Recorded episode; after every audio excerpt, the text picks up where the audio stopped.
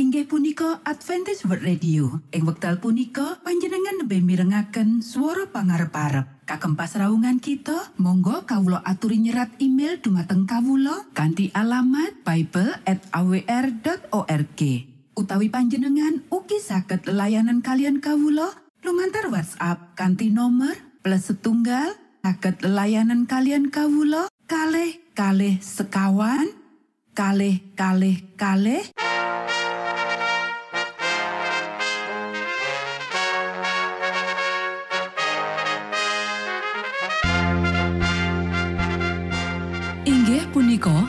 Adventist World Radio ingkang giaran kanthi basa Jawi. Tentrem Rahayu kula aturaken kagem para mitra kinasih ing pundi papan lan panggonan. Sugeng pepanggian malih kalian Adventist World Radio. Kanti bingahing manah Kulo badi sesarengan kalian para mitra kinasi. Lumantar saperangan adicara ingkang sampun rinonci. Mligi kagem panjenengan sami.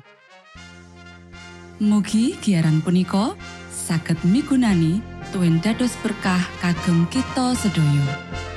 Sugeng midhangetaken Gusti amberkahi.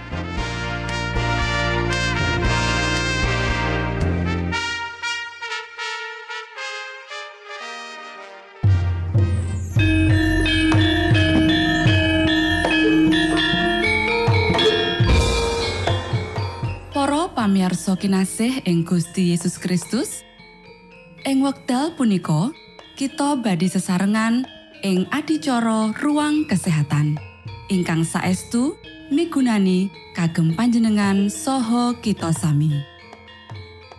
Tips utawi pitedah ingkang dipun aturaken ing program punika tetales dawuhipun Gusti ingkang dipunnyatakaken ing kitab suci. Semanten ugi sakehing seratan ingkang dipun wangsitaken dening Gusti Allah.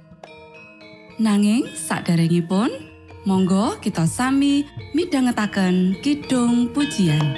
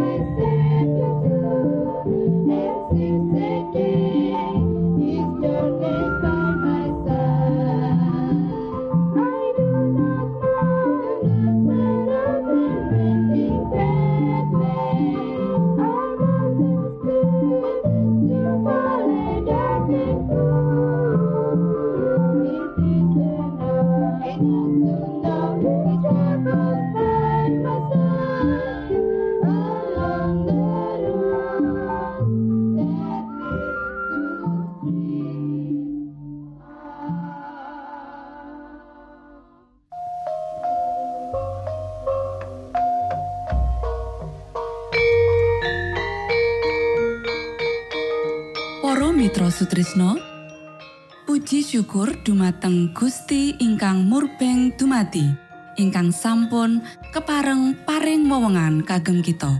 Satemah saged nglajengaken ruang kesehatan. Pirembakan kita semangke kanthi irah-irahan. Daharan ingkang gadai gizi wigati kagem kegiatan intelek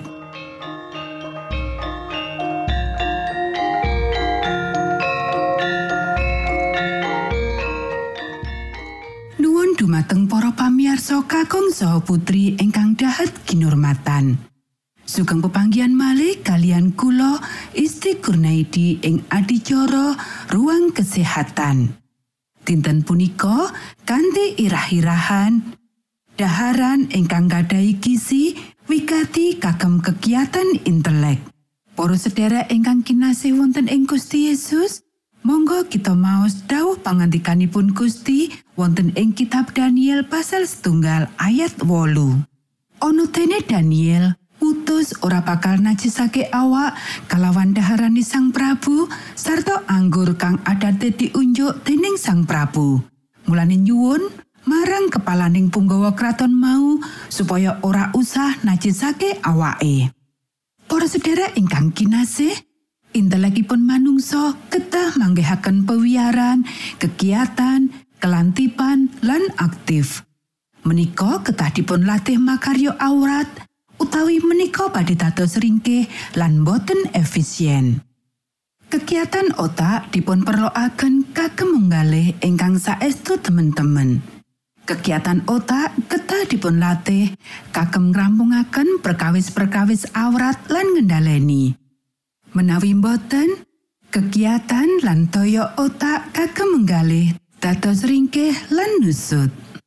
Otak ketah nyiptakaken makarya lan kelut sak lebetipun maringi keuletan lan kegiatan kagem intelek.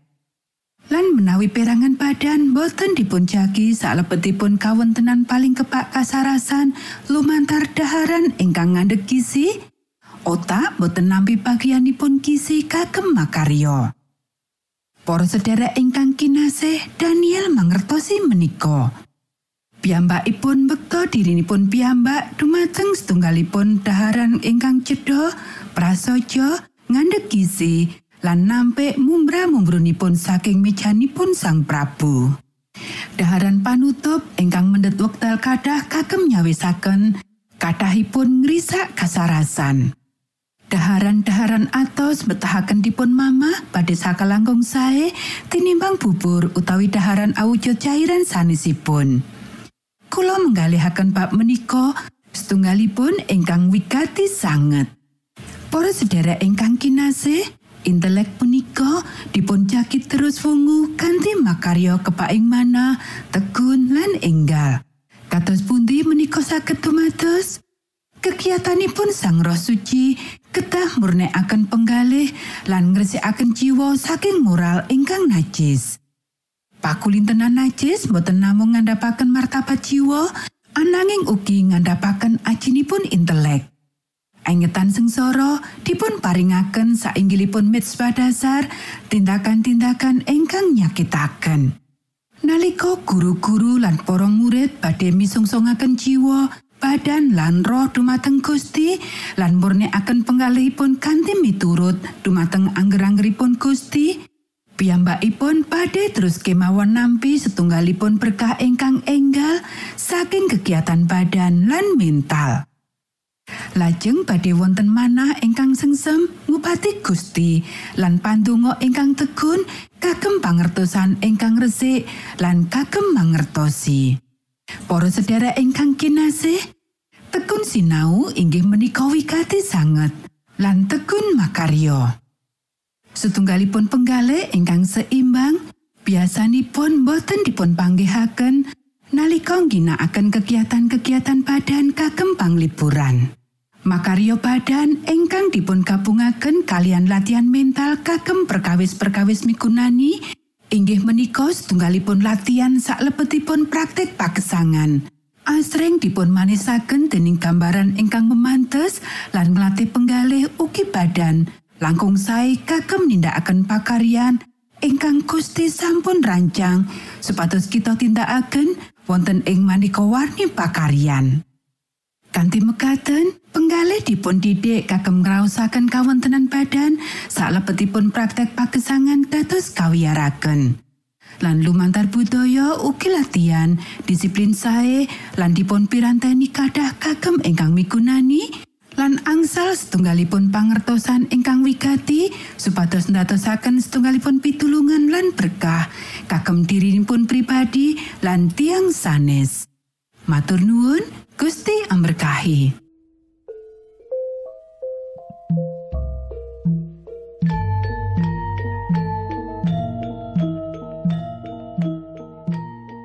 Cekap semanten pimbakan ruang kesehatan ing episode dinten punika.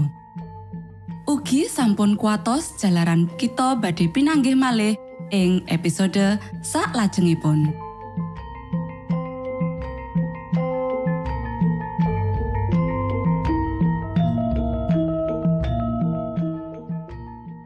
inggih punika adicara ruang kesehatan. Menawi panjenengan gadah pitakenan utawi ngersaakan katerangan ingkang langkung, Monggo kulo aturi. Kinton email dateng alamat ejcawr@ gmail.com utawi lumantar WhatsApp kanti nomor 025 pitu 00 songo songo papat 00 pitu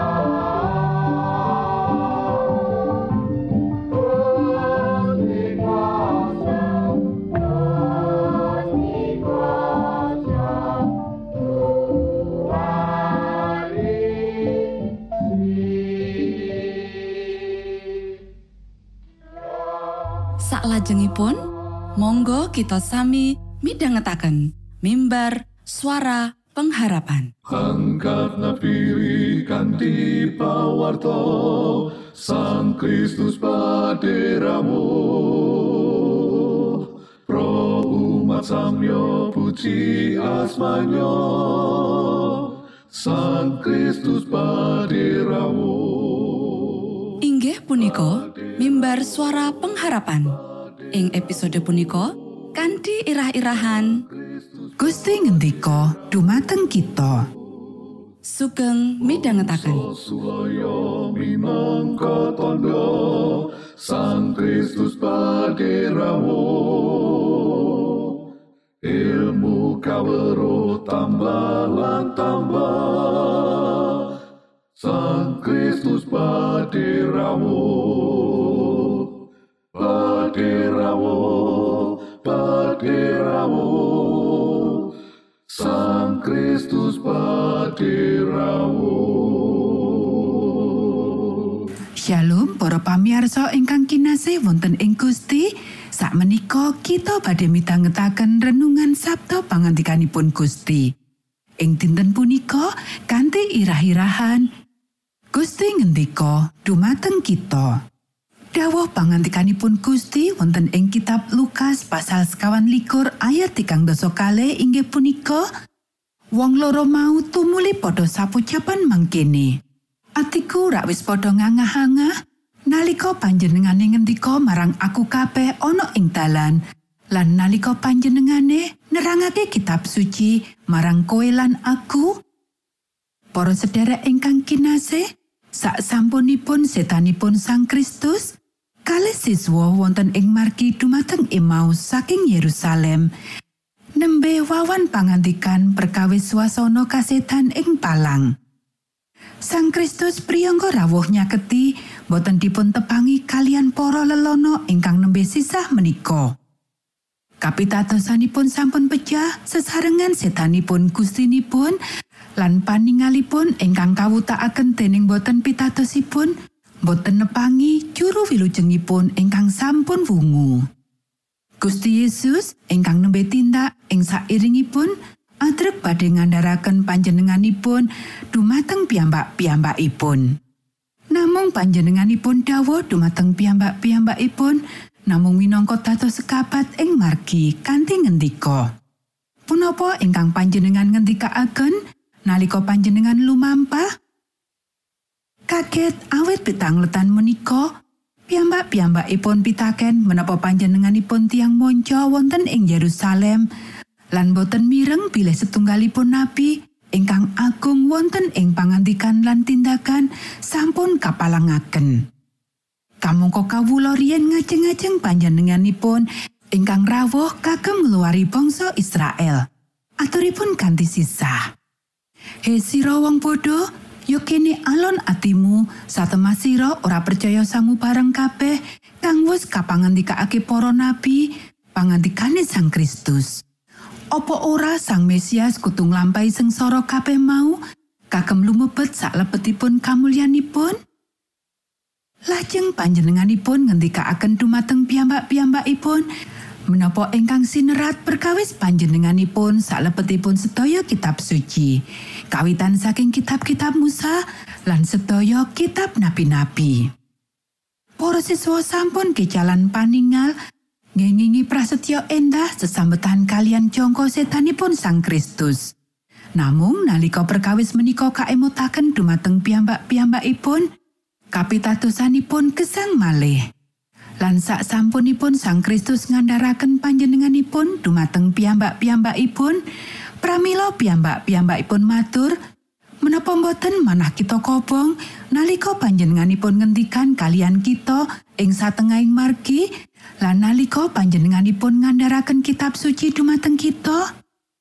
Para sedherek ingkang kinasih menawi kita purun niti preksa kitab suci manah kita badhe kobong nalika kaleresan ingkang dipun andharaken ing salebetipun kapikaaken dumateng pangertosan kita. Pangajeng-ajeng kita badhe murup nalika kita ningali prasetyo endah ingkang kasebaraken kados mutiara Ing sedaya seratan suci menika sinambi nitip preksa riwayatipun para nabi lan bapa manungsa ingkang tresno asih lan wedi asih dumateng Gusti Allah lumampah sesarengan panjenenganipun jiwa-jiwa kita badhe sumunar kanthi greget ingkang gesangaken piyambak-piyambakipun Para sedherek ingkang kinasih menapa ingkang jalari pecahipun kegiatan rohani salebetipun pasamuan-pasamuan wangsulanipun inggih menika kita ngendelaken penggalih kita kaseret tepe saking Sabdo. Suwantenipun Gusti Allah menika ingkang ngendika dumateng kita. Sami mestinipun kalian kita saged mirengaken kanthi manah kita. Monggo kita sami ndedonga. Duh Rama kawula ingkang wonten ing swarga, asma patuko mugi kasucikaken. Kraton patuko mugi rawuh. Karsa patuko mugi kalampahan wonten ing bumi kados dene wonten ing swarga. Kawula mugi kaparingan rejeki kawula sak cekapipun ing dinten punika. Saha patuko mugi ngapunten kalepatan kawula kados dene kawula inggih ngapunteni tetiang ingkang kalepatan dhateng kawula. Punapa dene kawula mugi ngantos katandukaken dhateng ing panggoda nanging mugi sami patuko uwalaken saking piawon. Awit dene patuko ingkang kagungan kraton saha wisesa tuwin kamulyan salami laminipun. Amin.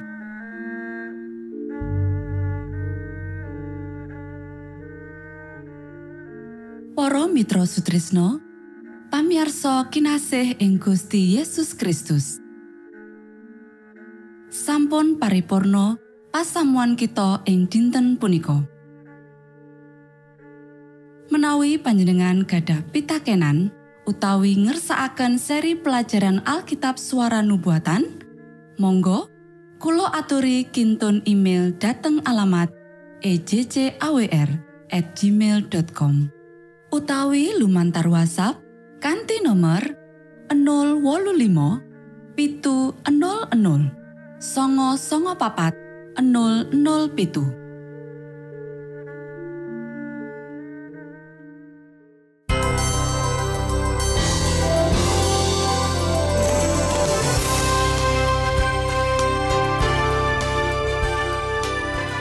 Matur nuwun kagem wektalipun kita badhe pinanggih malih ing gelombang ugi wekdal ingkang sami. Saking studio kula ngaturaken tentrem rahayu. Gusti amberkahi kita sedaya. Maranatha.